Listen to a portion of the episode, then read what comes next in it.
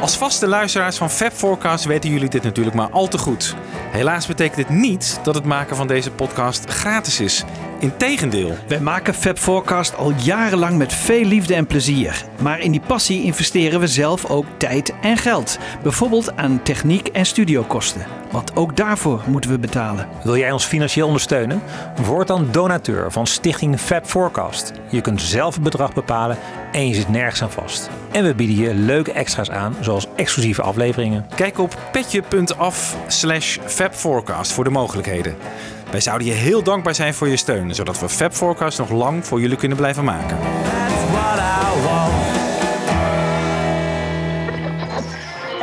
Ladies and gentlemen, The Fab Four. Fab Four. Fab Four. George, Ringo. Fab Four. We have for you the Fab Four. Fab Forecast. This is the same studio we've used all along since the old days of Love Me Do. It's many years ago, it seems. Oh, doesn't it? those are the days. Well, that's about all, I think. Except.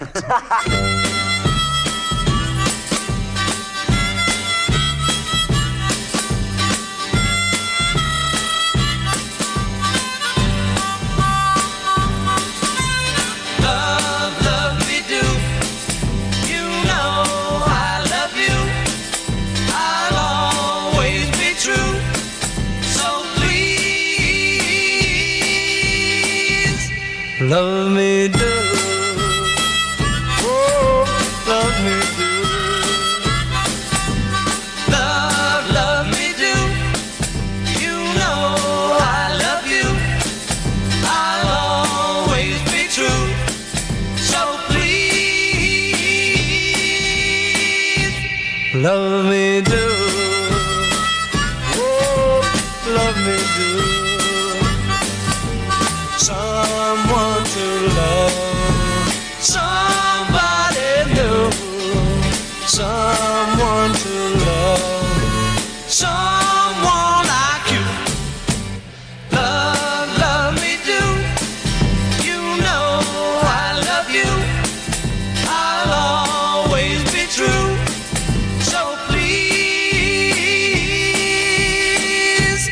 love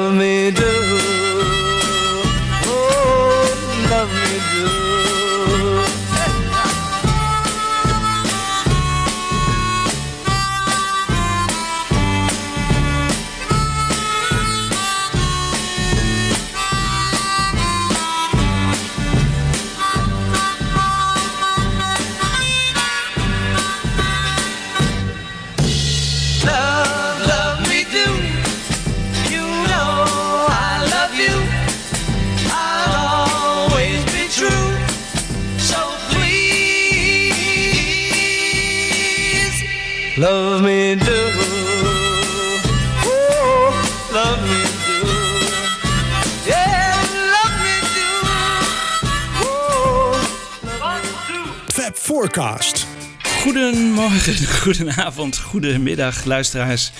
Je hoort een stereoversie van de Love Me Do versie, zoals we die tegenwoordig kunnen maken. En welkom bij een nieuwe aflevering van de Fab Forecast met Wiebo. en En met Michiel, hallo. ja, we gaan eh, voor een special terug naar Love Me Do. Jongens, eh, wat, wat is jullie eerste eh, eh, gedachte bij Love Me Do? Ja, de beste single van de Beatles natuurlijk, hè jongens. Laten we eerlijk zijn. Nee, ik, ik vind het altijd zo'n... Ja, het is bijna een soort genre op zich of zo. Ik vind het zo'n uniek, eh, zeg maar, om met dit nummer je carrière te starten. En het, het lijkt in niets op wat al bestond, eh, voor mijn gevoel. Maar dat ga je ons vast nog vertellen, Jan Kees.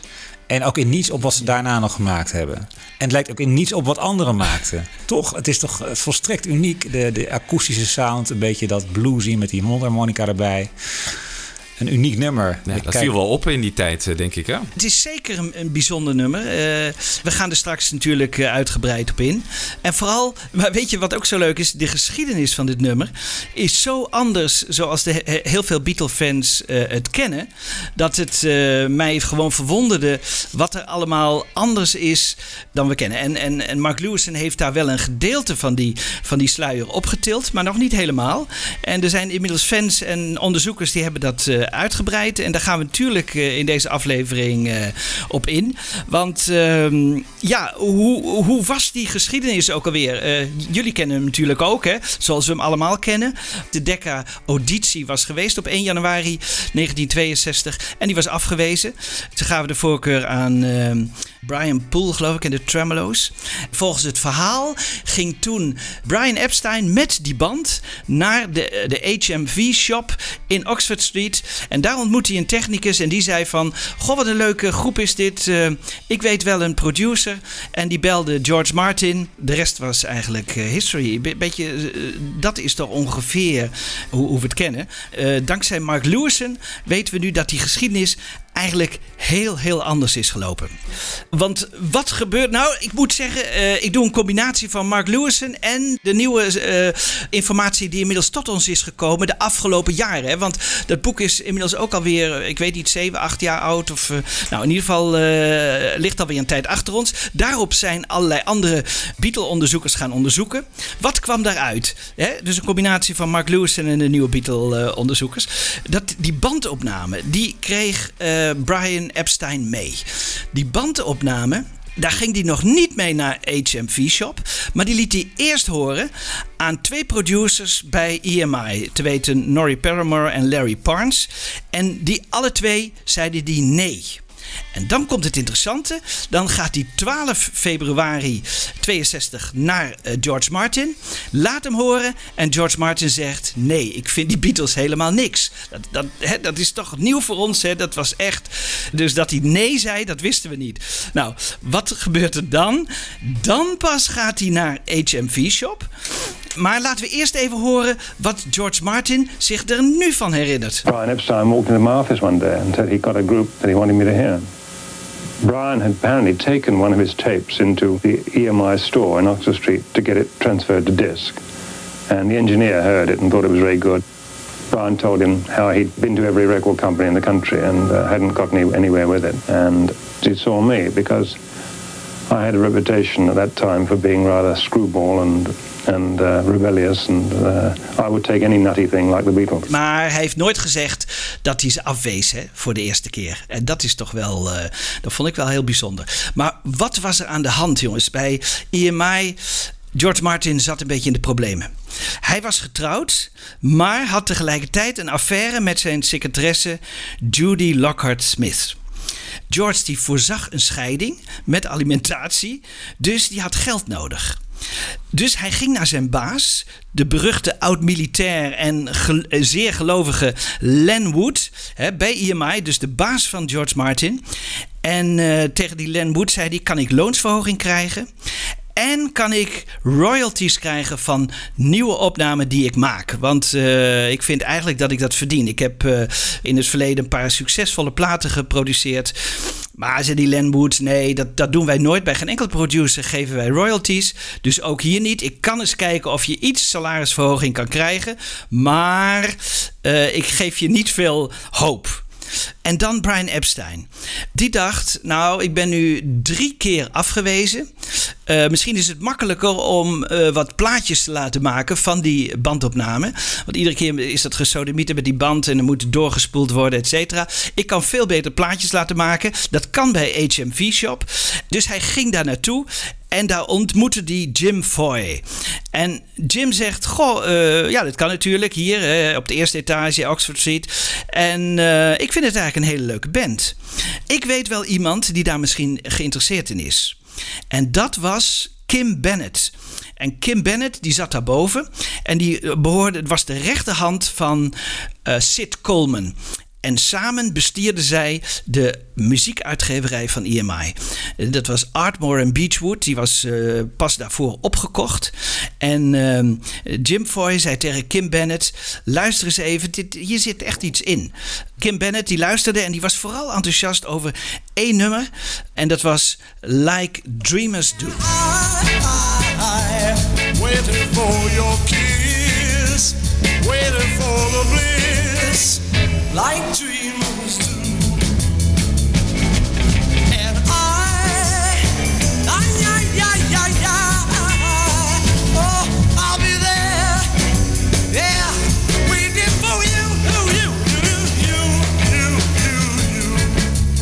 beroemde Piet Best roffels eh, erin. Tikke. Of de fills eigenlijk. Ja, daar hebben ze doorheen geluisterd. Ja. Want het ging hun niet zozeer om de band, als wel om het eh, vermogen tot componeren. En eh, Sid Coleman en Bennett vonden allebei die McCartney, die zong dat, dus die zal het ook wel gecomponeerd hebben. Daar zagen ze echt wel eh, iets in. Dus wat dachten ze? Die moeten we eigenlijk contracteren. We moeten eigenlijk die Lennon en McCartney contracteren als songwriters. Maar we moeten voorkomen dat ze naar een concurrerende platenmaatschappij gaan. Dus wat deden ze? Ze gingen naar Len Wood, hè, de baas van eh, George Martin, en zeiden tegen Wood: Als jij nou die Beatles contracteert, dan zitten ze in ieder geval vast bij EMI. En als ze nog een keer een, eh, een auditie willen doen, betalen wij het ook nog wel. Maar contracteer ze nou, zodat ze bij ons zitten en dan kunnen wij ze nummers laten schrijven. Maar ja, die, die Wood vond dat helemaal niks. Die, dacht, ja, ik ga niet een band contracteren om eh, alleen eh, nummers te laten schrijven. Eh, dan moeten ze ook iets uitvoeren. En ze zijn door al mijn drie topproducers afgewezen. Dus dat ga ik niet doen. Nou, maar dan, maar dan hoort eh, Wood van de affaire van George Martin. Dat hij een affaire heeft met zijn secretaresse, die ook bij EMI werkt. En eh, Wood is een, eh, een zwaar christelijk type, veroordeelt dat en denkt: hoe kan ik die Martin nou een streek leveren? Want Martin die werd altijd door het allerhoogste baas, Joseph Lockwood, de hand boven het hoofd gehouden. Hè, dus ze spraken allebei een beetje posh. Eh, Lockwood vond wel leuk wat George Martin deed. En die konden wel goed met elkaar opschieten. En Wood kon dus niks ondernemen, kon eigenlijk Martin niet ontslaan om, eh, vanwege deze affaire. We moeten voorstellen, het is begin jaren 60. Hè, dat was nog reden voor ontslag als je dan een affaire had met je, met je secretaresse. Nou, en eh, toen dacht Wood, die bedacht het volgende plan. Als ik de Beatles nu wel ga contracteren, dan eh, zadel ik op eh, George Martin op met een groep die hij al heeft afgewezen. En eh, ik doe mijn vrienden bij de muziekuitgeverij een plezier. Dus ik sla twee vliegen in één klap eigenlijk. Dus dat was, was wel heel grappig. Dus hij heeft ehm, George Martin opgedragen om de Beatles te contracteren. Helemaal, moeten we wel even bedenken, tegen de zin van George Martin in. Eh, Dus dat is toch een, eigenlijk een hele andere affaire. Heel anders dan we tot nu toe wisten. George Martin boos. En George Martin die denkt dan, ja shit, ik, ik wil hier eigenlijk niks mee te maken hebben. Oké, ik, ik zal die Beatles uitnodigen. En eh, ik zeg wel tegen mijn eh, assistent Ron Richards, als ze komen, handel jij dat maar af. En Ron Richards eh, zegt tegen Brian Epstein, je mag komen, maar neem nieuw geschreven materiaal mee. Dat, dat is belangrijk voor onze muziekuitgeverij. Dus laat die Beatles nieuw materiaal zingen. En vooral door Paul McCartney, want daar zien wij het meeste in. Dus Paul McCartney krijgt eigenlijk eh, de opdracht om nieuw materiaal eh, te componeren. Dus dat is ook interessant. Hè? Het is niet zozeer Lennon of Lennon en McCartney, maar vooral McCartney. Want je moet ook bedenken, in die tijd eh, had je bij groepen altijd een frontman. Hè? Dat, zo noemt George Martin dat. Dus hij dacht ook, het wordt waarschijnlijk Paul McCartney en de Beatles. Hè? Zoals je had Buddy Holly en de Crickets, Cliff Richard en de Shadows, Jerry en de Pacemakers. Hè? Dus eh, Paul McCartney en de Beatles. Dat, dat was eigenlijk een beetje zijn idee. En Epstein geeft dan door aan de Beatles in Hamburg. Het is mei 1962. En wat zijn dan op dat moment de nummers die nummer 1 staan eh, in de hitparade op dat moment, mei 1962?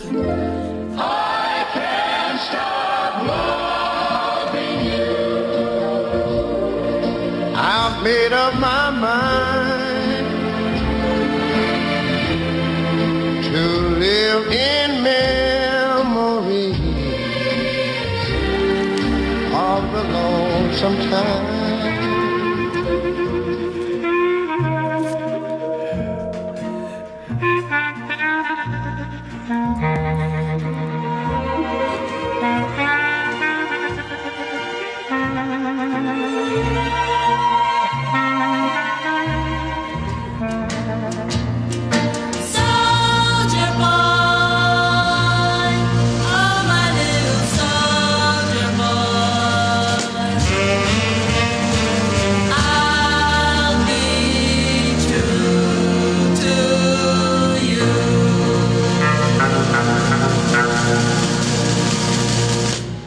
Nou, ja. En dan komt Love Me Do daar.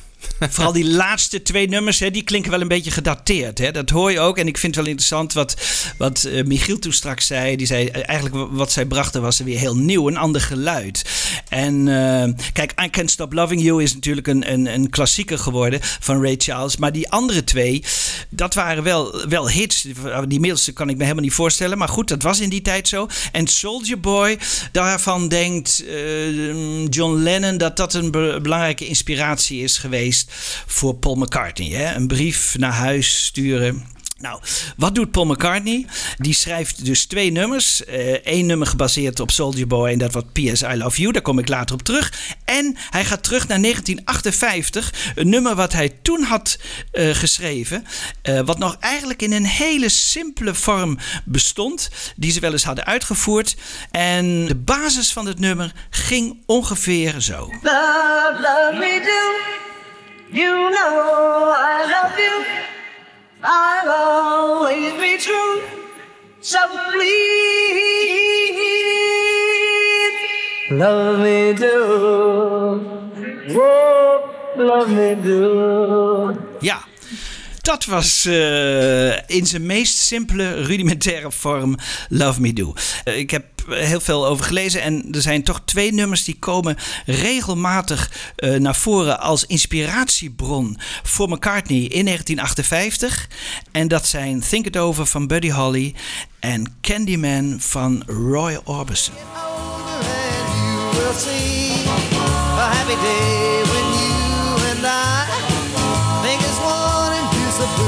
Goodbye. You think it over, yes, think it over.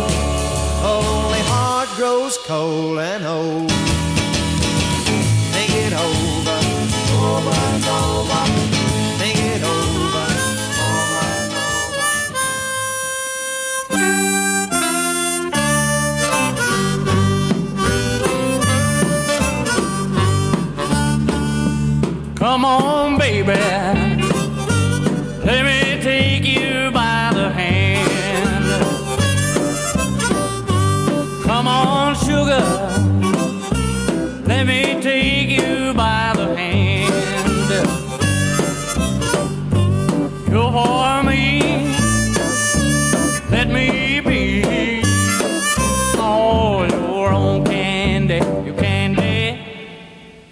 Candy man.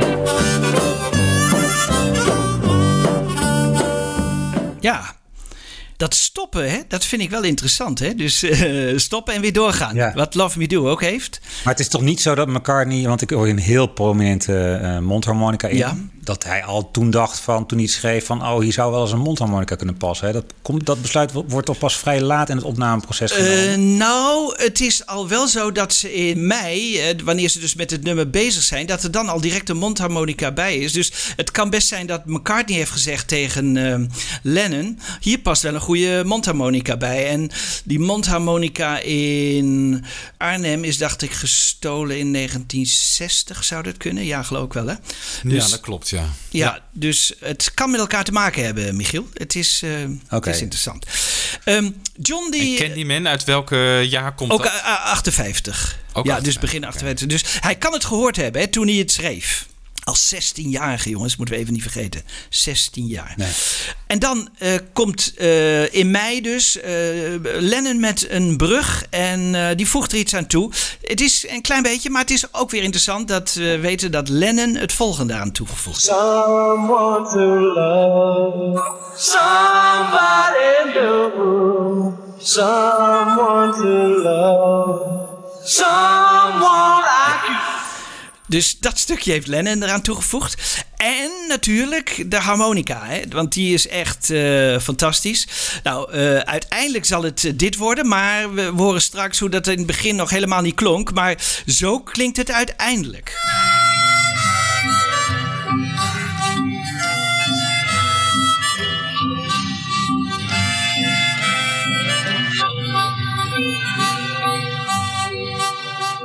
Nu zijn er, jongens, en dat wist ik ook niet, eh, twee soorten harmonica's. Ja, we, hebben wel eens eerder een harmonica gehad in een, eh, een nummer, maar dat was een soort basharmonica. Maar er bestaat ook een, een chromatische harmonica en een dianotic harmonica, een bluesharp noemen ze die. Nou, ik wist het helemaal niet en, en, en het verschil eh, kende Brian Jones wel. Dus toen Brian Jones eh, Lennon voor het eerst ontmoette, vroeg hij: welke van die twee heb jij nou eh, gebruikt op Love Me Do? I remember the first thing one of the members, Brian Jones, came over and said, "Are you playing a harmonica or, or a harp on on Love Me Do?" Because he didn't know how he, he knew I got this bottom note, and he suspected I was. I said a harmonica, you know, with a button, which wasn't real funky blues enough, you're supposed, but you couldn't get uh, "Hey Baby" licks on a blues harp. And we were also doing "Hey Baby" by Bruce Chanel at that time.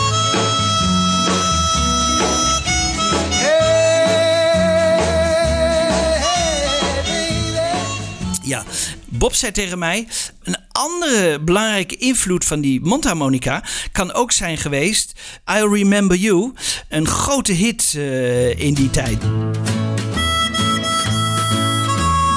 I remember you. You're the one who made my dreams come true. A few kisses ago. I remember you. You're the one who said I love you too. Yes, I do. Didn't you know? Was toch ooit ook zo'n plaat, eh, Frank Ifield en de Beatles live on stage of zo. Die ooit is uitgekomen in 3 of 64 of zo. Kan je die LP herinneren? Nee. Dat is één kant Beatles en de andere kant Frank Ifield. Echt heel merkwaardig. Volgens mij een VJ-ding of zo. Oh ja, want ze hebben nooit toch. Was het een Amerikaan, Frank Ifield? Ja, ik denk het wel. Eh, eh, ze hebben toch nooit samen gespeeld, toch wel? Nee. Dat is gewoon een Nee, platenmaatschappij Nee, nee, dingetje nee, dat geweest. is toch niet. Nou jongens, en, en, en ik deed nog een leuke ontdekking. Ehm, Piet Best die heeft ooit een opname gemaakt. Eh, dus in die tijd dat ze bezig waren met het, eh, het uitwerken van Love Me Do. We weten ook uit de overlevering dat Love Me Do in het begin, toen ze daarmee aan het eh, componeren waren, dus om het te vo- vervolmaken, hè, die versie uit 58, dat het veel sneller was. En ehm, ik heb een, een snelle versie ontdekt. En Piet Best heeft hem ooit eh, opgenomen. En ik had hem nog nooit ergens gehoord. Maar hier even een stukje van de snelle versie uit die tijd van Love Me Do.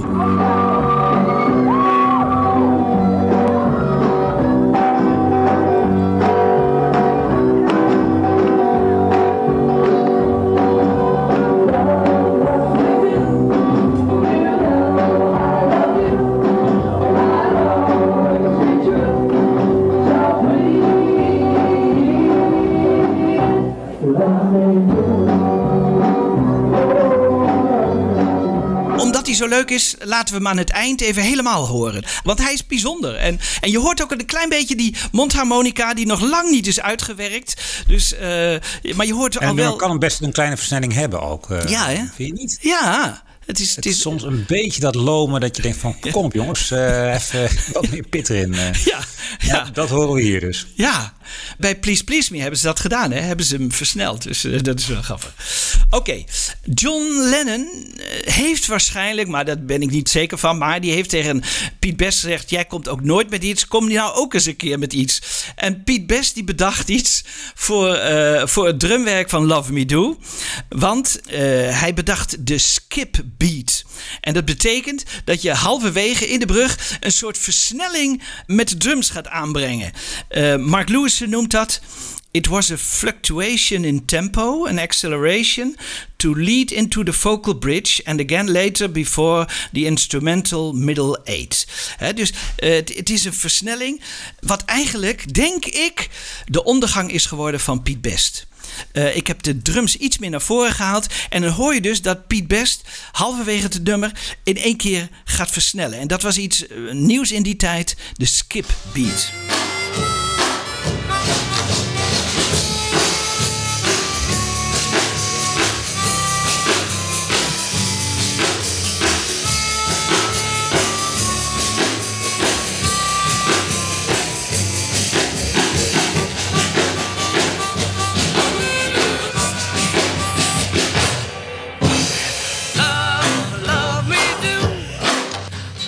Jullie horen het, hè? En dat is eh, waarschijnlijk zijn ondergang geworden. Want wat gebeurde bij die eerste opname?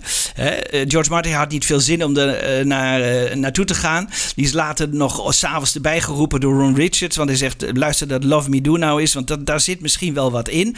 Maar toen hoorden ze dus alle twee deze skipbeat. En toen dachten ze, ja, maar die Piet Best kan helemaal geen maat houden. Want als we de rest van de eh, opname van Love Me Do horen, doet hij het helemaal niet zo slecht. Hè? Het is natuurlijk wel zo dat, dat hij af en toe die roffel had, maar niet in Love Me Do volgens mij. Ik denk dat het dit gedeelte is wat ze totaal niet begrepen. En waarvan ze zeiden van, ja, maar het is geen steady drummer. Die Piet Best, eh, die, die moet eruit eigenlijk. En eh, nou ja, dat hebben ze ook doorgegeven aan, eh, aan Brian Epstein. Dus Terwijl het dus een heel bewuste keuze was van, van Piet, die ook was afgestemd met Het de was Beatles. Het was een be- bewuste keuze, ja. Ja. En het grappige is, en daar komen we later nog op terug, dat Ringo het zelfs nog een keer heeft nagedaan. eh, bij, bij, bij de eerste optredens na eh, in oktober. En, eh, maar dat is ook een nieuwe ontdekking. Ik, ik vind het eigenlijk een beetje tragisch eigenlijk. Hij kwam daar dus mee, hè? Want John Lennon zei altijd: hè, er was een, een lousy drummer, never improved. Dus ik denk dat hij dacht, dat Piet Best dacht: nou, nu kom ik ook eens met wat. En eh, dan komt hij met wat en dan, eh, en dan wordt het zijn ondergang. Want laten we John Lennon even aan het woord over Piet Best. By then, we were pretty sick of Pete Best too because he was a lousy drummer, you know. He never improved, you know. And uh, there was always this, this this myth being built up over the years that he was great and Paul was jealous of him because he was pretty and all that crap, you know. Uh, they didn't get on that much together, but it was partly because Pete was a bit slow, you know. And uh, he was a harmless guy, but he was not quick. You know, all of us were quick minds, you know. And he never picked up on the idiom, you know. And we were always going to dump him when we could find a decent drummer. Die eh, neemt ook geen blad voor de mond, hè? Dat is wel Zou het je van- nooit horen zeggen. Dus. Nee, nee, nee, nee, nee, nee. George Harrison ook niet. Ringo al helemaal niet. Heeft zich nooit eigenlijk uitgelaten voor Piet Best. Goed, McCartney had nog een tweede ijzer in het vuur. Een nieuw nummer, vers gecomponeerd. P.S. I Love You. En John herinnert zich zeker dat nummer. That Paul song, uh, he was trying to write a uh, Soldier Boy like the Shirelles track. He wrote that in Germany or when we were going to and from Hamburg and back. I don't think I might have contributed something. I can't remember what anything particular. It was mainly his song. Hij heeft er waarschijnlijk ook nog iets aan toegevoegd. Maar het waren toch beide hoofdzakelijk eh, Paul McCartney nummers. En ehm, laten we even luisteren naar de basis. Zoals Paul McCartney het schreef in Hamburg. As I write this letter, send my love to you. Remember that I'll always be in love with you. Treasure these few words till we're together. Keep all my love forever. P.S. I love you. You, you, you. Ook dit vond George Martin best een leuk nummer. Het viel hem zeker niet tegen. Beter dan de, de, de band van Decca die hij daarvoor had gehoord. Maar hij zat Er dus... begint al wat bij te trekken dus. Ja, ja, maar hij zat met het probleem van Pete Best. Laten we even horen wat eh, George Martin over Pete Best zei. Pete Best was probably the best looking of the bunch. He was very quiet with a sullen kind of charm, but he couldn't play drums very well. I mean, he couldn't keep in time too well. And I was aware that the band weren't tight. They, they needed that sort of binding force that a good drummer should give them. So I said to Brian, well, I'll get another drummer for the recording sessions. You can do what you like with, with him on stage, but we'll have someone else on, on, on the tracks. And I didn't realize until afterwards that they'd been thinking the same thing anyway. Goed, einde Piet Best. Hè. Ehm, en hij had nog een probleem, hè, want dat eh, haalde ik al even aan eerder in, eh, in de podcast. Dat ehm, hij vond eigenlijk dat iemand de frontman moest zijn. Hè, dus dat er eigenlijk één zanger moest zijn bij de Beatles. Maar dat liet hij eigenlijk ook wel weer vrij snel eh, schieten. They did have Love Me Do. Um, weird things like Fat Swallows Your Feet's Too Big or Till There Was You. I got them to sing lots of different things to find out which voice was good. I was looking for the Cliff Richard or the Elvis Presley or the Tommy Steele. Saying now, is Paul going to be the main one or is John going to be the main one? And George, well, he's obviously not got such a good voice as the other two. And then it suddenly hit me between, right between the eyes. Why the hell should I find a solo singer? Why not just have the lot of them as they are? It wasn't their music that sold them to me. It was their charm. They were very charming people. Goed, de jongens gaan allemaal terug naar Liverpool. Eh, Piet Best weet nog van niks. Maar eh, dit is altijd een heel groot probleem geweest, hè, die Piet Best. Want die moest toen eh, ontslagen worden. En ehm, ook, je ziet in de, in de anthology dat eh, ze er allemaal toch wel enigszins moeite mee hebben over het ontslag van eh, Piet Best. And we did a reasonable audition, not very good. But the thing he didn't like was our drummer. And I said to Brian Epstein, if when we do the next session, I mean, I don't want to interfere with the Beatles and what you're doing with them, that's fine. But I'm going to provide the drummer. We really started to think we um, needed the great drummer in Liverpool. historically it may look like we did something nasty to Pete and it may, it may have been that we could have done it better but the thing was as history also shows Ringo was the the member of the band it's just that he didn't enter the the, film until that particular scene you know Want even nog even, want we zeggen niet eens hoe, je hebt niet verteld hoe het dan gaat, maar hij wordt in het kantoor van Brian geroepen, toch? Hij wordt in het kantoor van Brian geroepen en eh, ze zeggen: Ja, die jongens willen jou niet meer. En dat gelooft hij dan eerst ook niet, want hij denkt: Ja, maar dat kan toch eigenlijk niet, want ze hebben me nooit iets eh, gezegd. Je hoort hier ook uit die jongens hè, van ja, ze hebben het er moeite mee en nog steeds, hè, want er is eigenlijk nog steeds niet echt een reden, buiten dan dat hij niet goed zou drummen, maar eh, waarom die weg moest. Hè? Waarom ze in één keer ermee eens waren. Maar dat is toch een reden Ja, genoeg, maar het was pas dus nadat George Martin dat ze- gezegd zou hebben. Ze hebben daarvoor niet gedacht van. het is daarvoor nooit toch opgekomen van. Jongens, moeten we wel doorgaan met Piet Best? Eh, tenminste, dat is iets wat. wat Ja, maar Piet Best was natuurlijk wel altijd al een, een, een soort B-keuze. Hè? Want ze gaan naar Hamburg. Ze hebben eigenlijk gewoon met spoed iemand nodig. Een e- eerdere drummer, ik weet niet wie dat was, maar die was uitgevallen. En toen kwam Mona met het idee van... hé, hey, ik heb nog wel iemand. En zo, zo rolt hij er eigenlijk een beetje in.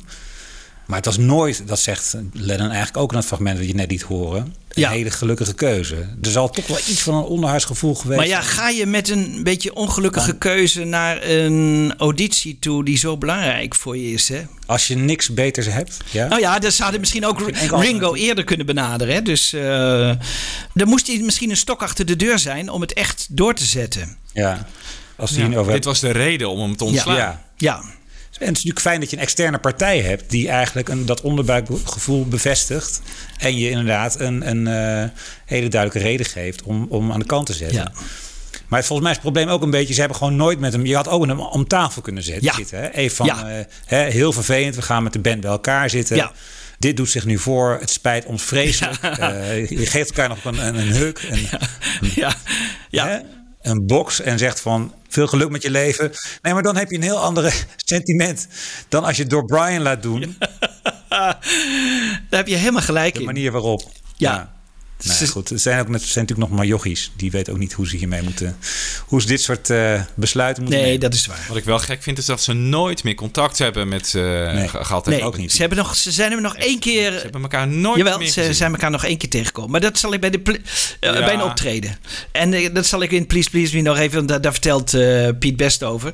Eh, dat gaat wat te ver voor deze aflevering. Maar het was maar heel... Ja, het eh, was sporadisch en er zijn nauwelijks woorden eh, gewisseld. Eh, Ringo daarentegen, die was hartstikke blij. Hè? Die, eh, die kon niet snel genoeg weg. Maar hij begreep ook dat eh, hij niet van de ene op de andere dag eh, ontslag kon nemen. Maar een paar dagen kon wel eigenlijk. It was a Wednesday, and Brian called. I don't remember John calling though. It's in somebody's book. Uh, would you join the band? And I said, "What do you mean?" He said, "No, really join the band." And I said, "Sure, yeah. When?" And he said, "Now." And I said, "No, I can't do that because we've got these other four guys here. These, we've got a gig for months, and you know I can't just pull out now and it all end." So I said, "I'll join you Saturday." because we used to have Saturday off because that's when they used to change the campers. So I gave Rory Thursday, Friday, Saturday to bring someone in because to open again on Sunday, which I thought was giving them a hell of a lot of time, and uh, and that was it. Piet Best kon naar, naar Rory misschien. eh, Hij gaat een eigen band op? ja, hij gaat een eigen band oprichten. Ja. En uiteindelijk is het dan Dat was wel wel een goede deal geweest eigenlijk. Als Piet gewoon naar Rory ging. Dat was op zich wel een, een deal geweest, ja. Ja. Eigenlijk is het allemaal nog goed gekomen. In 95 heeft hij een miljoenen deal gekregen van Apple. Toen eh, nummers van hem op de Anthology verschenen. En eh, ik geloof dat Neil Aspinall daar nou wel een hele goede deal voor hem heeft uitgesleept. Hè? Want Neil Aspinall is natuurlijk familie eigenlijk van hem. Dus die heeft er ook altijd mee gezeten. Dat hij eh, wel met de Beatles doorging. Terwijl hij eh, een kind had bij Mona. Dat was echt eh, een hele moeilijke affaire in de Beatle-tijd. Goed, maar dan verschijnen ze dus op 4 september. De tweede keer verschijnen ze bij George Martin in de studio met Ringo Starr. En ehm, dan zegt George Martin: Paul, ik wil graag dat jij toch wel dat hele nummer blijft zingen. En dat had eh, Ron Richards ook al de eerste keer gezegd. eh, jij moet het zingen. Want eh, John Lennon die speelt mondharmonica en kan dus niet alles met jou meezingen zoals de oorspronkelijk de bedoeling was. Nou, dat is allemaal onzin natuurlijk. Want eh, wat, wat deden ze? Ze namen eerst de backing track op en pas later de zang. Dus daar had John best mee kunnen zingen. Terwijl hij ook de mondharmonica speelde. Dus dat was eigenlijk niet de reden. Maar de reden was eigenlijk dat George Martin in die tijd nog eh, Paul McCartney echt zag als de frontman die de nummers ging zingen. En Paul McCartney was redelijk eh, nerveus, vooral die allereerste keer. Eh, daar kom ik later nog even op terug. Maar ze namen dus de backing track in die tijd al los op. Dat vond ik ook wel heel bijzonder. Het was dus niet zo dat ze gelijk met zang en mondharmonica en gitaar en alles in één keer op, opnamen. Nee, eerst de backing track. En zo moet dat ongeveer geklonken hebben.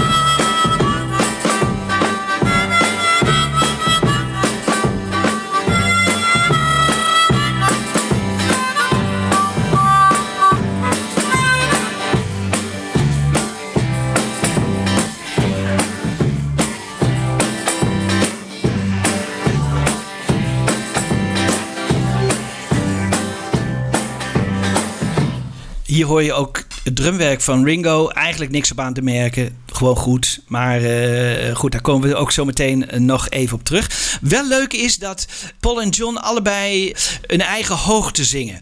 En eh, dat kunnen we tegenwoordig uit elkaar halen. Dankzij Bob de Jong, die heeft weer zijn best gedaan. En we kunnen dus Paul McCartney even alleen horen zingen. En daarna John alleen. En je hoort dus dat ze een soort Phil en Don-achtige setting hebben. De een wat hoger, de ander wat lager. Eerst Paul McCartney op Love Me Do. Love,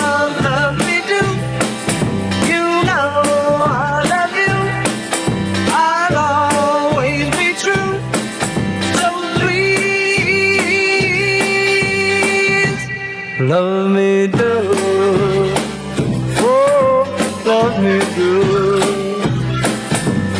dan John, die het wat lager dan normaal zingt. Heel leuk als we die er eh, gewoon even los eh, laten horen. You know I love you.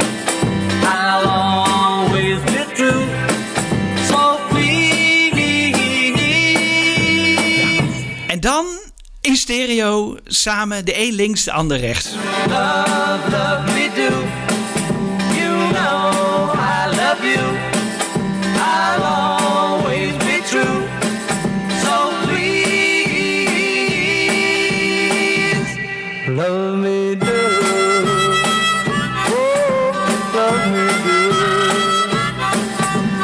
Leuk hè, want hier horen we dus eigenlijk het ontstaan van het Beatle-geluid afijn op de plaat dan. Hè? Want ze zongen natuurlijk al lang zo in, in, in, in al hun optredens. Maar hier horen we eigenlijk voor het eerst die bijzondere combinatie van John en Paul samen en ook even los.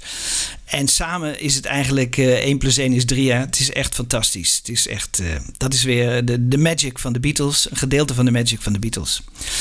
Ja, en dan, Paul zegt altijd, en dat zei hij al eh, in de jaren 70 en 80. Als ik Love Me Do hoor, dan kan ik horen hoe zenuwachtig ik was. Want ik, moest, ik stond er alleen voor. Want ik moest hem eigenlijk alleen zingen. Normaal zongen John en ik alles. Maar nu moest ik voor het grootste gedeelte moest ik het alleen zingen. En ehm, ik heb altijd gedacht, waar hoor je dat dan in? Ik kan het niet horen, want ik denk eerder dat het een herinnering van hem is aan de eerste opname. Want eh, daarna heeft hij het nog 15 keer eh, voor de take met Ringo gedaan. Nog 15 keer of zo voor de take met Andy White gedaan. Dus toen was hij er echt wel aan gewend eh, na de dertigste keer. Maar als we die eerste versie horen en we, en we laten een beetje die stem van McCartney naar voren komen, dan hoor je toch echt wel dat hij nerveus is. Dus ik denk dat het meer zijn herinnering is. Bij die eerste opname, nog samen met Pete Best, dat hij voor het eerst er alleen voor stond. En dan hoor je ook wel dat hij wat nerveus is. Love me do. Oh, love me do. Someone to love. Someone like you. Someone to love. Someone like you. Ja, leuk is dat, hè?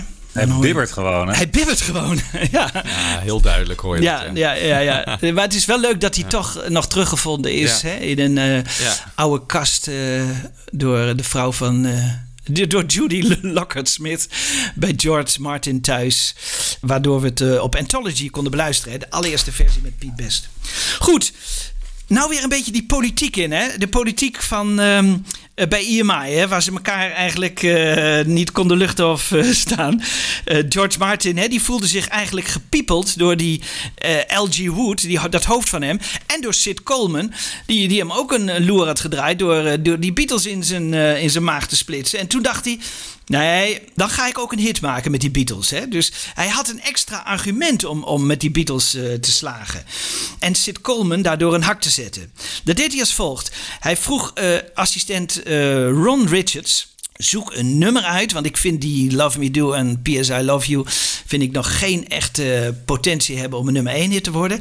Als jij nou een goed nummer vindt, dat niet van Sid Coleman is... dus niet van EMI, dus niet van eh Artmore en Beechwood... dan ehm, gaan we die door de Beatles laten zingen... En eh, Ron Richards eh, zocht en die vond hij. En dat was eh, How Do You Do It. We laten even George Martin daarover iets vertellen. It was quite normal in those days to find material for artists by going to Tim Penn Alley and listening to all the publishers' wares. I mean, that was a regular part of my life. I would spend a long time looking for songs.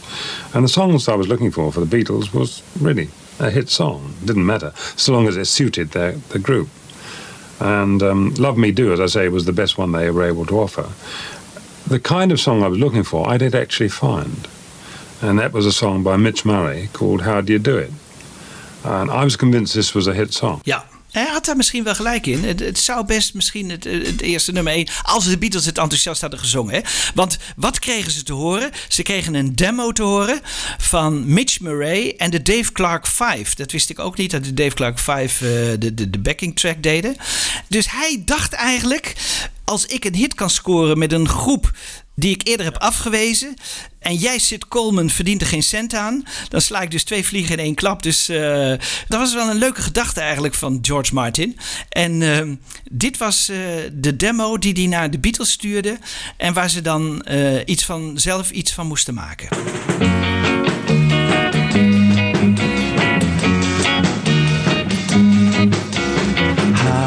Do you do what you do to me? I wish I knew If I knew how you do it to me, I'd do it to you. Het is echt een demo. Maar waar Martin dus geen rekening mee had gehouden.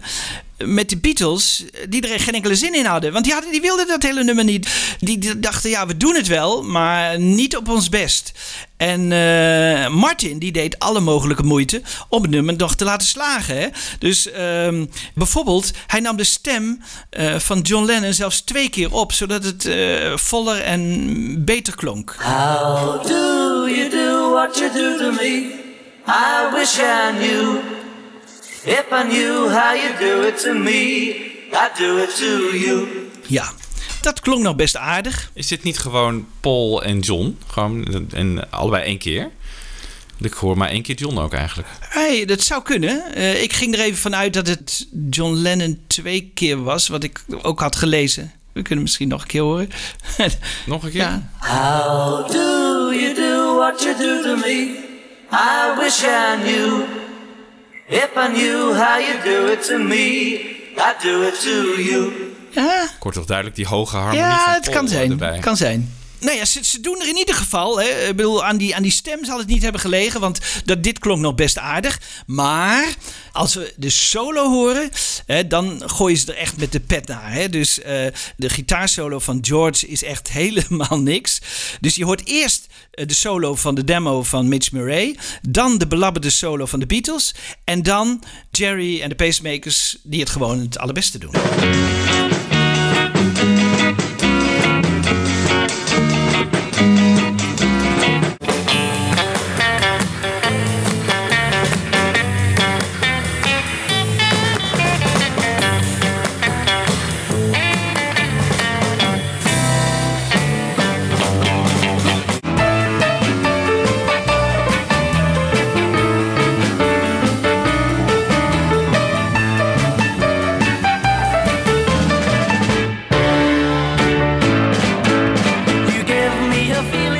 Speelt die solo eigenlijk? Is dat George Martin?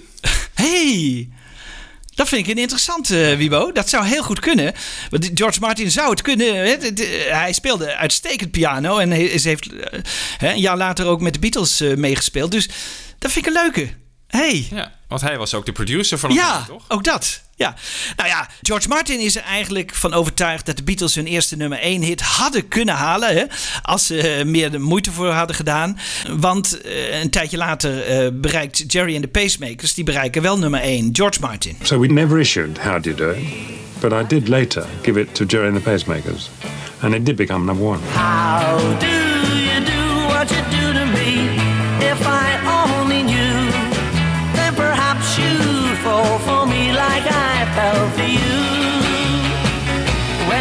When I do it to you.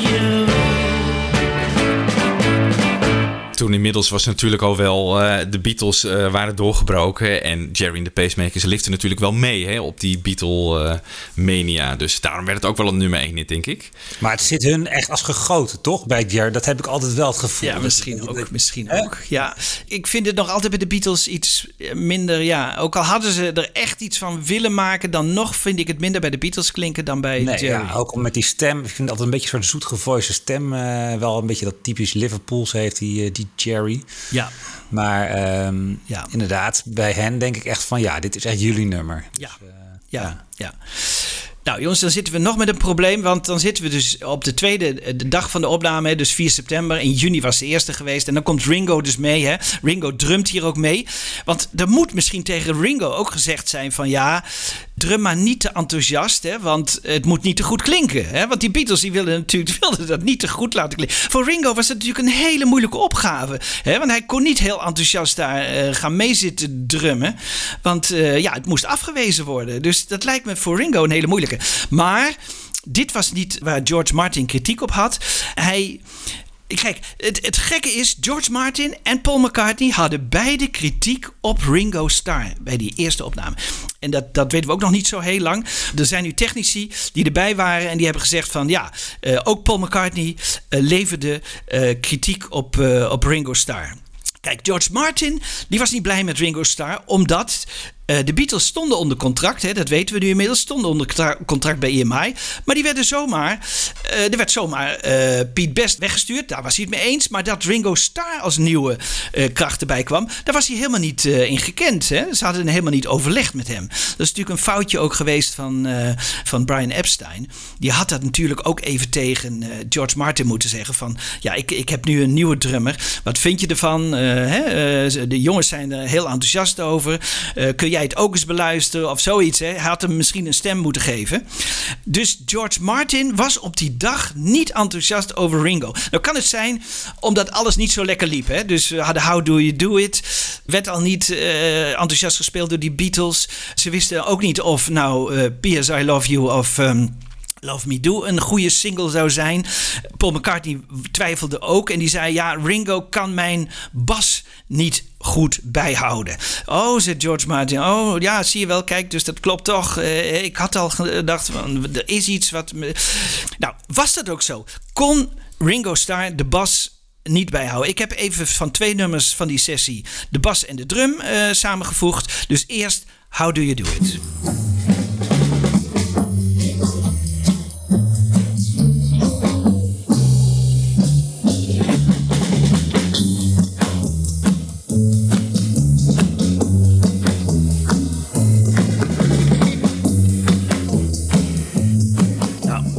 Principe hè, niks op aan te merken. Ik, ik hoor het niet, ik heb hem helemaal beluisterd en dit is gewoon een voorbeeldje. Maar ik moet eerlijk zeggen, Jan, kijk, ik ken het hele verhaal niet. Eh, McCartney die zegt, eh, Ringo kan me niet bijhouden. Dat, waar komt dat vandaan? Van hun technicus Norman Smith en hoofdtechniek Ken Townsend. Het wordt ook nog even aangehaald in het boek eh, Recording Sessions van Mark Lewison. Nou ja, eh, ik, ik dacht, ik, ik ga dat even controleren. Hè? Dus ik heb ook nog een bas van Love Me Do. Ook daar horen we eigenlijk dat Ringo het prima doet. Maar Ringo was natuurlijk nerveus. Maar in die omstandigheden vind ik dat hij het niet slecht doet. Love Me Do.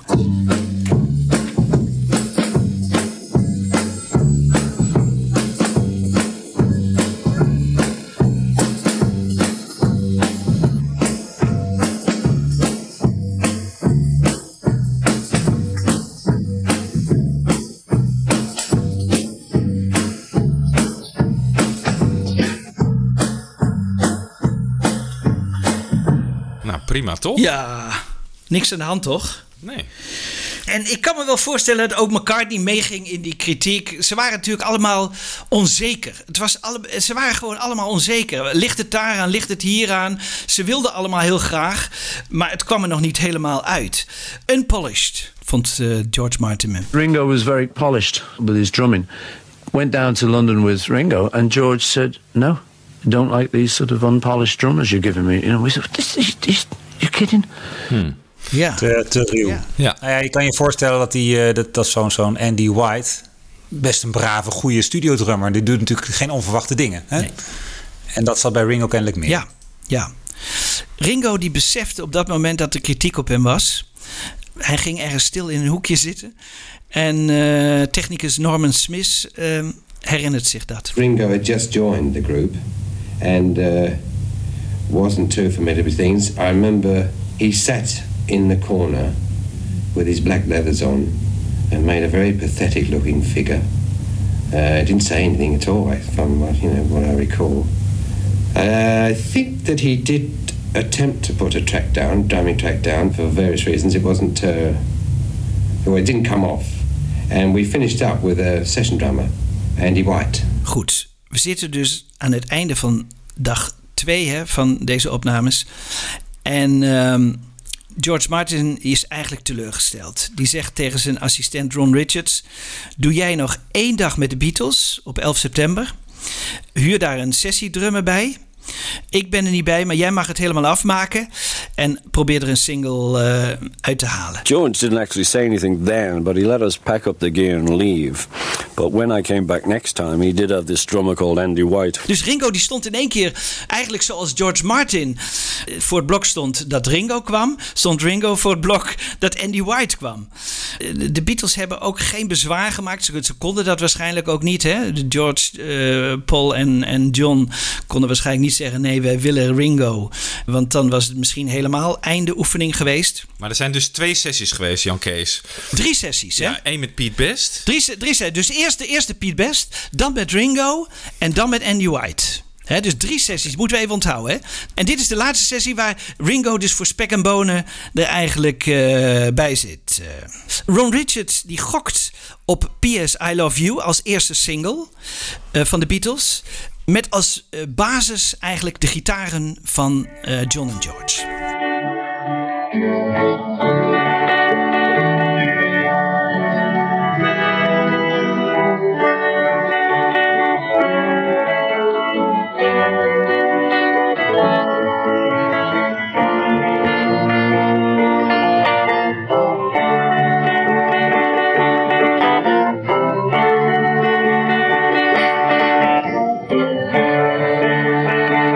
Dat is dus een beetje de, de basis van het nummer eh, instrumentaal. En Ron Richard die huurde dus Andy White in. En Andy, White eh, was wel grappig. Die koos niet voor zijn drumstel. Maar die koos eh, voor woodblocks, hout, in plaats van de drumstel. Treasure these few words till we're together. Keep all my love forever. P.S. I love you.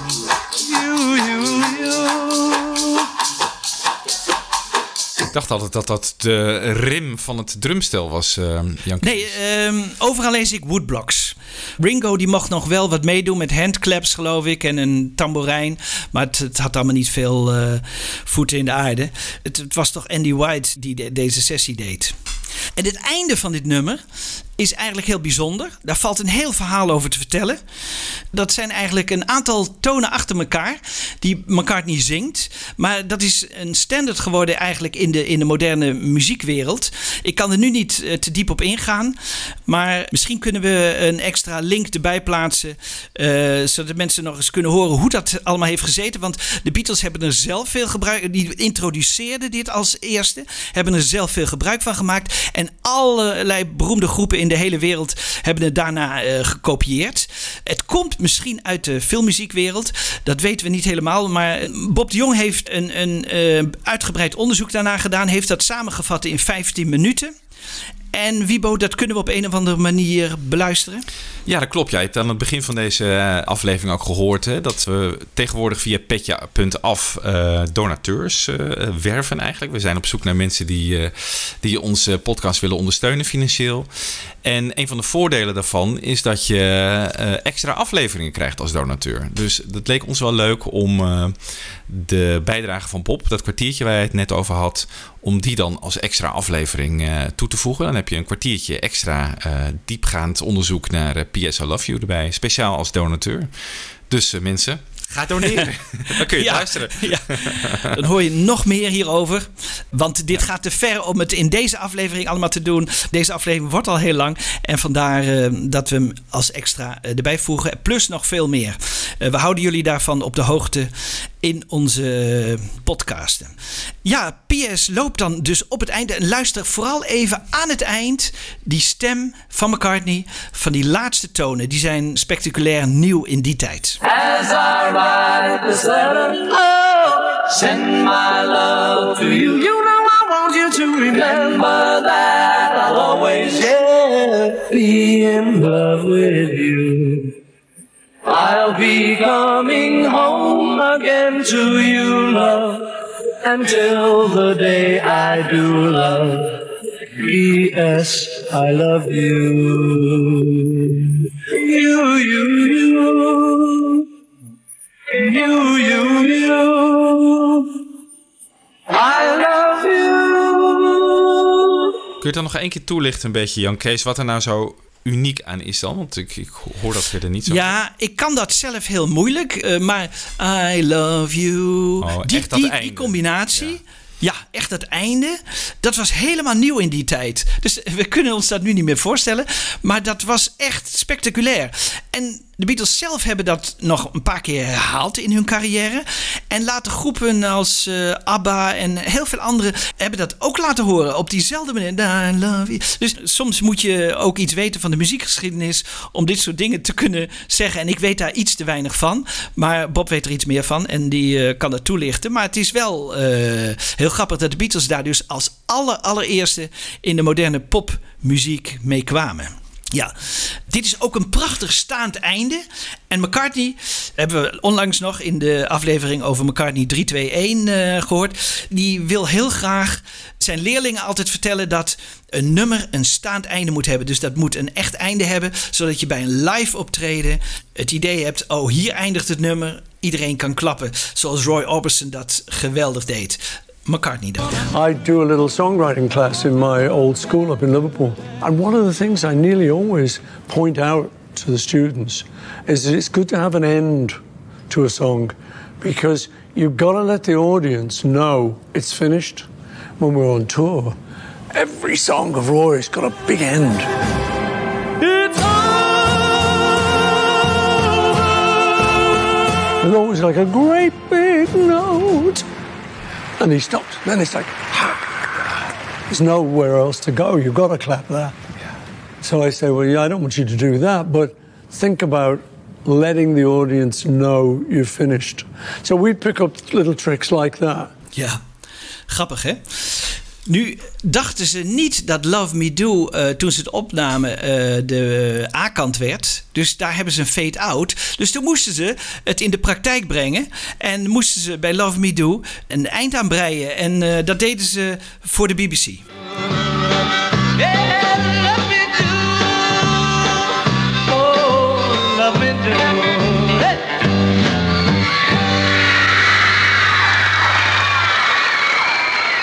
Inderdaad, ze gaan klappen. ze gaan klappen. En ze gaan klappen. ja. Oké, okay, wat is er nou eigenlijk gebeurd met dat nummer uh, How Do You Do It? Want George Martin die wilde in eerste instantie eigenlijk dat nummer wel uitbrengen van de Beatles. Paul McCartney zegt altijd ja, wij wilden dat niet, want uh, dat, dat, was helemaal niet uh, onze stijl en we, dan moesten we terugkomen. Dat horen we zo even Paul McCartney zeggen. Maar George Martin wilde dus echt graag dit nummer uitbrengen. En waarom is het niet uitgebracht? Niet omdat de Beatles het zeiden, maar om twee redenen. Mitch Murray zei: Nou, dit is zo slecht uitgevoerd. Uh, ik wil niet dat mijn nummer vernacheld wordt. Begeef het dan maar aan een ander artiest. En Sid Coleman, die zei: Ik wil het ook niet hebben, want dit is een nummer van de concurrentie van Dick James.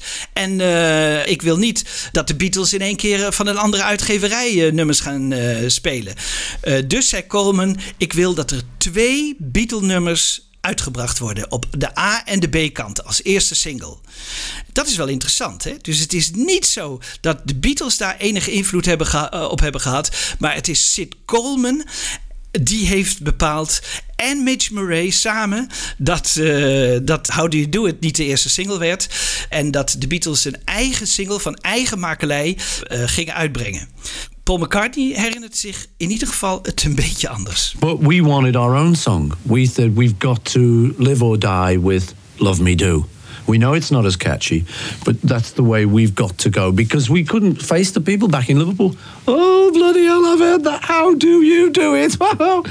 you know, we were trying to keep the integrity. No, we're like a blues group, man. You know, hey, you know, we've got harmonica on our records, you know. Jongens, hij zegt, wij voelden ons een blues group. Dat is toch iets... Ja, denk, ik weet, moeten we dat geschied, interpreteren? Uh, vervalsing, denk ik.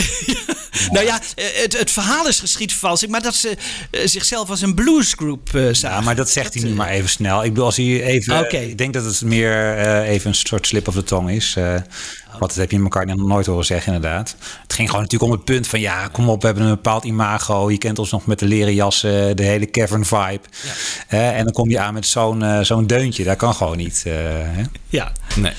Ron Richards die vond in samenwerking met George Martin... eigenlijk dat P.S. I Love You... dat dat de nieuwe single moest worden. Vonden ze toch iets spannender, iets interessanter. Misschien wel door het einde, ik weet het niet. Maar dan Love Me Do. Maar goed, dan overleggen ze dat eh, met elkaar. Daar is Norman Smith ook bij, eh, de technicus. En die zegt dan in één keer: Ja, maar ik eh, weet dat Peggy Lee een song heeft uitgebracht onder de titel PS I Love You. Nou, het was niet Peggy Lee, maar wel heel veel andere artiesten: Billie Holiday, Frank Sinatra, Bobby Vinton. Every night I'm dreaming of you. P.S. I love you. Everybody's thinking of you. P.S. I love you.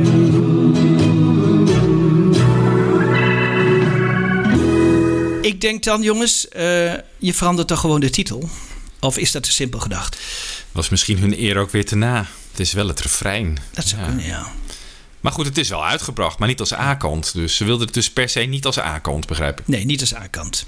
Zou die het beter hebben gedaan als A-kant? Dan Love Me Do? Nee. Ik sluit ik helemaal niet uit. Ja? Ja, het was misschien minder, toch minder opvallend geweest als geluid. Ik denk dat ze dat met hetzelfde probleem zaten als met How Do You Do It. Weet je wel, dat je gewoon niet naar Liverpool kunt komen als je met zo'n... Dit is toch ook een popdeuntje, Ja, zeker, een beetje ja. zo'n braaf deuntje.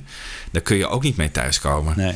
Dus, eh, en met Love Me Do wel. Grappig dat ze zo bezig waren met hoe hun geluid gaat landen bij, het, bij de ha- hardcore fans in Liverpool. Hè? Wij zouden zeggen, joh, ben vooral bezig met, met eh, groot worden en eh, die fanbase in Liverpool, dat zal wel. Jullie zijn gewoon zoveel groter dan dit.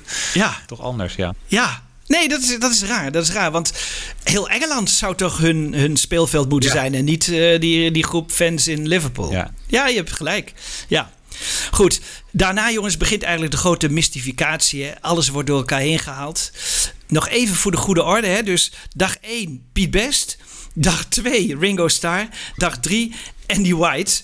En ehm, zo herinnert George Martin het zich. What actually happened was that when Ringo came to the session for the first time, nobody told me that he was coming. I'd already booked Andy White, and I told Brian Epstein I was going to do this.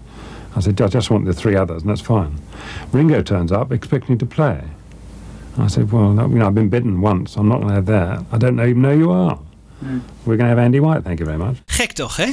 Hij was er niet eens bij. Hè, dat Andy White eh, er was. Hij heeft ook over die hele affaire met Judy Lockhart-Smith nooit wat verteld. Hij heeft over die eh, invloed van Art Moore, Moore en Beechwood nooit wat verteld. Eh, dit is waarschijnlijk hoe hij dit voor hemzelf heeft eh, goed gepraat misschien. Rechtgebreid in zijn hoofd. Ja, Ja, rechtgebreid, ja.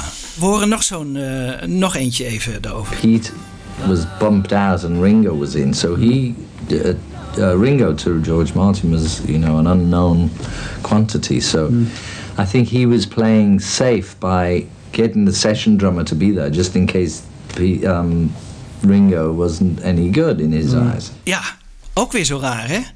Alsof het de tweede keer is. Hè? Dus dat Andy White en Ringo Starr tegelijkertijd. En hij, hij voor de safe, hè, voor de veiligheid, heeft hij dan maar Andy White. Maar zo is het dus niet gegaan. Grappig hè, dat ook George zich dat niet kan herinneren. Dat ze eerst Piet Best hebben ontslagen. Dan komt Ringo in de studio. We nemen een hele dag op met Ringo. En dan wordt Ringo vervangen door Andy White. Ook hier... eh, ja. Maar hoe zit dat dan, Jan Kees? Want eh, je hebt dus drie sessies, zei je. De eerste Ja. met Pete Best. Ja, de tweede in met juni. Ringo. Daar In is juni. die opname van eh, Love Me Do van. Of, ja. ja. En dan, wa- waarom denken ze dan dat ze die derde keer terug moeten komen? Wat gaan ze dan opnemen? Wat denken ze van tevoren? Nou, die derde keer moeten ze nog een keer terugkomen, omdat eigenlijk How Do You Do It is mislukt. En George Martin niet tevreden is over Ringo Starr. Dus dat zijn twee redenen waarom de derde dag nog een keer alles opnieuw moet worden opgenomen. Want PS I Love You en Love Me Do zijn de, op dag 1 met Pete Best opgenomen. Zijn op dag 2 met Ringo Starr opgenomen. En zijn op dag 3 eh, met Andy White opgenomen. Dus hetzelfde nummer is drie keer eh, opgenomen. En dat is Dus ze eigenlijk... gingen daar wel naartoe met eh, de wetenschap van... we gaan hem nu die derde keer gaan we weer opnieuw opnemen. Want die tweede is ook niet goed gegaan. Ja, dat wel. Maar er is hun dus niet verteld dat Andy White gaat drummen. Plus, George Martin heeft ook gevraagd: kijk of ze nog een nummer hebben. En, en als dat nog beter is, dan neem je dat op, eh, Ron. En Ron die vraagt dus: hebben jullie nog een nummer? Ja, ze hadden Please Please Me. Maar dat was nog niet goed genoeg. Dus eh, die hebben ze wel even voorgespeeld. En die was nog eh, veel te langzaam of zo. Ook Ron Richard heeft gezegd: van dat nummer is te langzaam. Ze hebben het opgenomen. George Martin heeft beluisterd, maar het was niet goed genoeg. Dus toen moesten ze kiezen. En het grappige is dat George Martin maakt dus de fout. Als het nummer wordt uitgebracht, dan levert hij per ongeluk de versie met Ringo Starr in als single. Dus eh, de Love Me Do versies met Ringo Starr.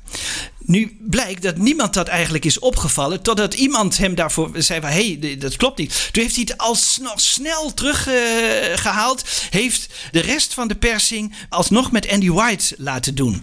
En daardoor kunnen we eh, vergelijken dat die twee eigenlijk nauwelijks verschillen. Dus George Martin werd daar eigenlijk in zijn ongelijk getoond, eh, want Ringo Starr... Het dit- drumwerk is gewoon... Ja. Drumwerk is hartstikke goed. Dat is hartstikke Behalve de, goed. har- behalve de tamboerijn. Dat is eigenlijk...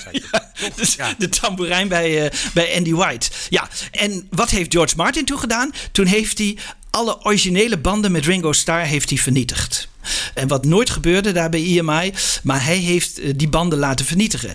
Ook om zijn eigen ongelijk niet aan te laten kunnen tonen of zo. Hè? Want hij dacht, ja, eh, dat, dat, dat begin van het singeltje, dat er een paar duizend exemplaren zijn met Ringo, dat vergeten ze wel. En dan horen ze altijd. eh, want als we nu luisteren naar Ringo Starr en Andy White tegelijkertijd op het nummer. Dan hoor je hem links, eh, ik geloof links eh, Ringo en rechts Nee, dat eh, maakt niet uit. eh, Andy of andersom. Maar luister maar even. een maakt dus stukje. niet uit. Maakt dus niet uit. Maakt niet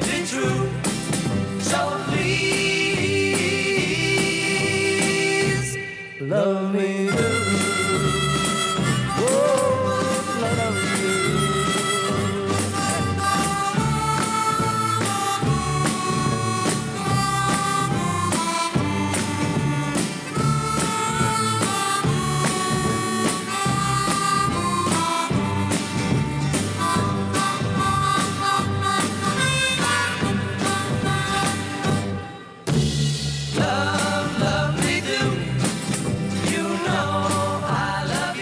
Jullie horen het, hè? Kijk, hij is door een bootlegger wat synchroon gelegd en, eh, en niet helemaal exact. eh, en, eh, want het wa- was natuurlijk alle twee in een net niet hetzelfde tempo opgenomen. Hè? Het was twee keer een versie. Dus.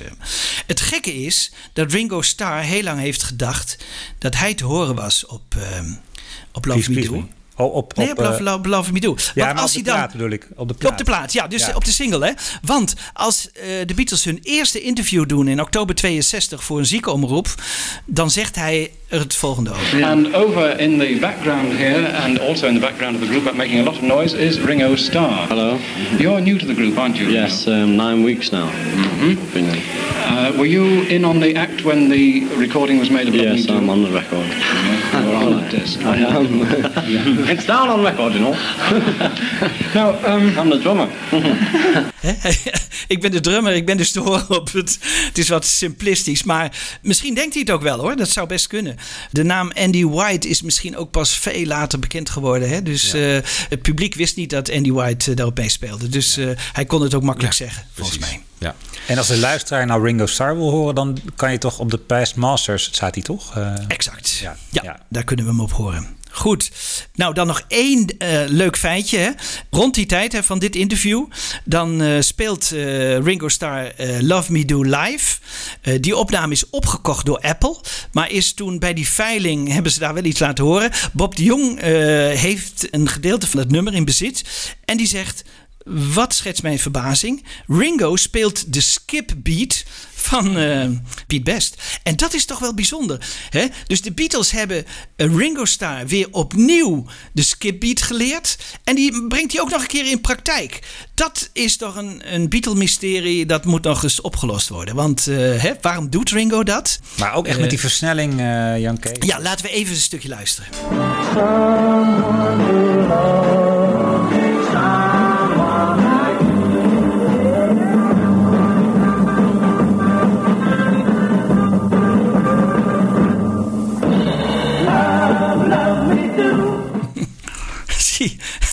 hij gaat hier dus die verlenging. Dat is wel grappig. Ja. Dat doet hij dus niet op, eh, op het Nee, maar origineel. op het podium zit Waarom? soms natuurlijk ook wel eens dat- wat te improviseren. En eh, ben je wat losser dan in de studio. Dus misschien je, oh leuk, ga ik gewoon eens proberen. Ja, nee, dat, dat, dat, tuurlijk, dat kan. Maar waarom doet hij dit? Hè? Van, eh, wat de ondergang werd van Piet Best. Ja, dat is wel heel grappig. Nou, hoe liep het verder af, jongens? Er werd dus gezegd, Brian Epstein kocht Love Me Do single massaal op. Maar dat is dus ook tegengesproken door Lewison. Want die heeft die Bennett gesproken, hè? Die, die medewerker van Sid Coleman. En wat heeft die Bennett gedaan? Die heeft zich enorm ingezet voor Love Me Do.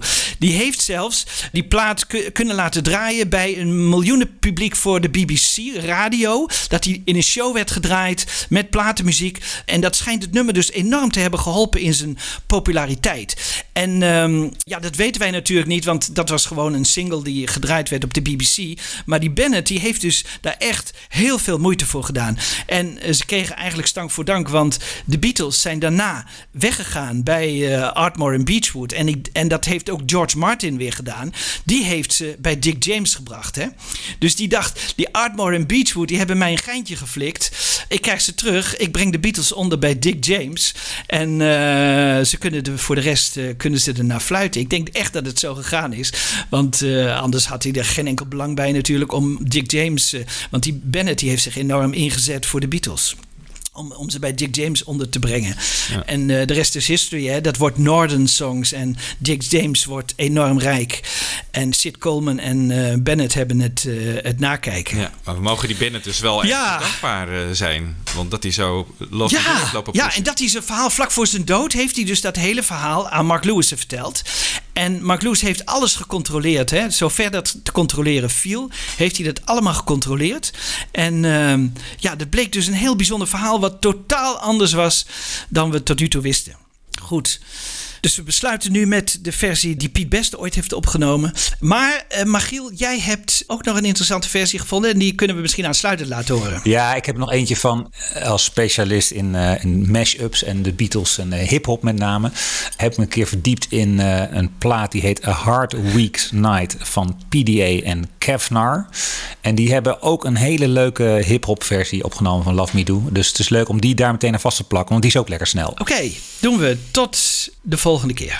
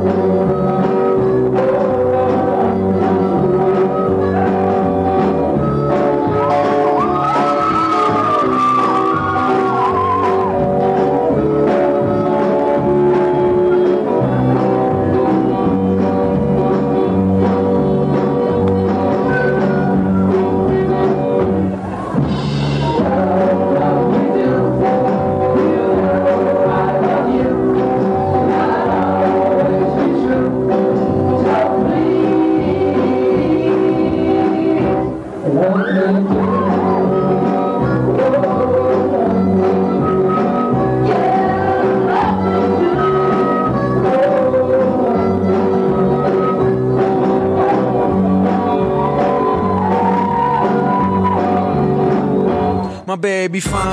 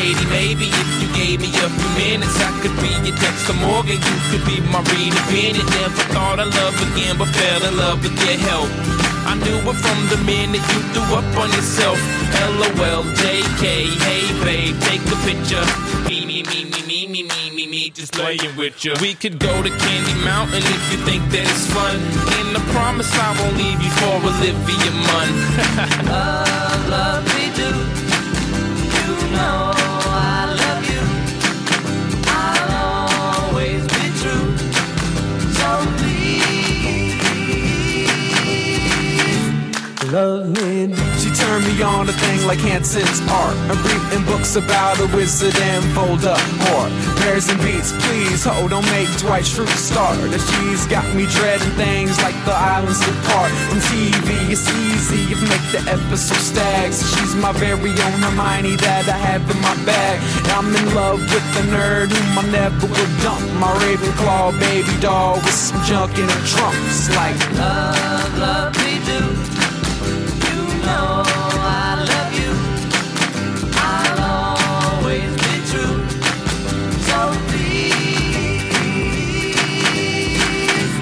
love me do.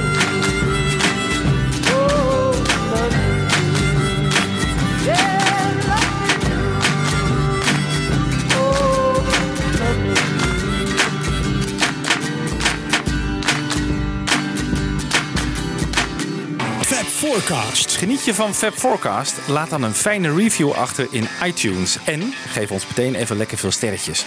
Dat helpt andere luisteraars weer om ons te vinden. Heb je vragen? Mail dan naar fabforecast.gmail.com of kijk op onze pagina's op Facebook en Twitter. En de afleveringen van Fab Forecast zijn ook te beluisteren via beatlesfanclub.nl.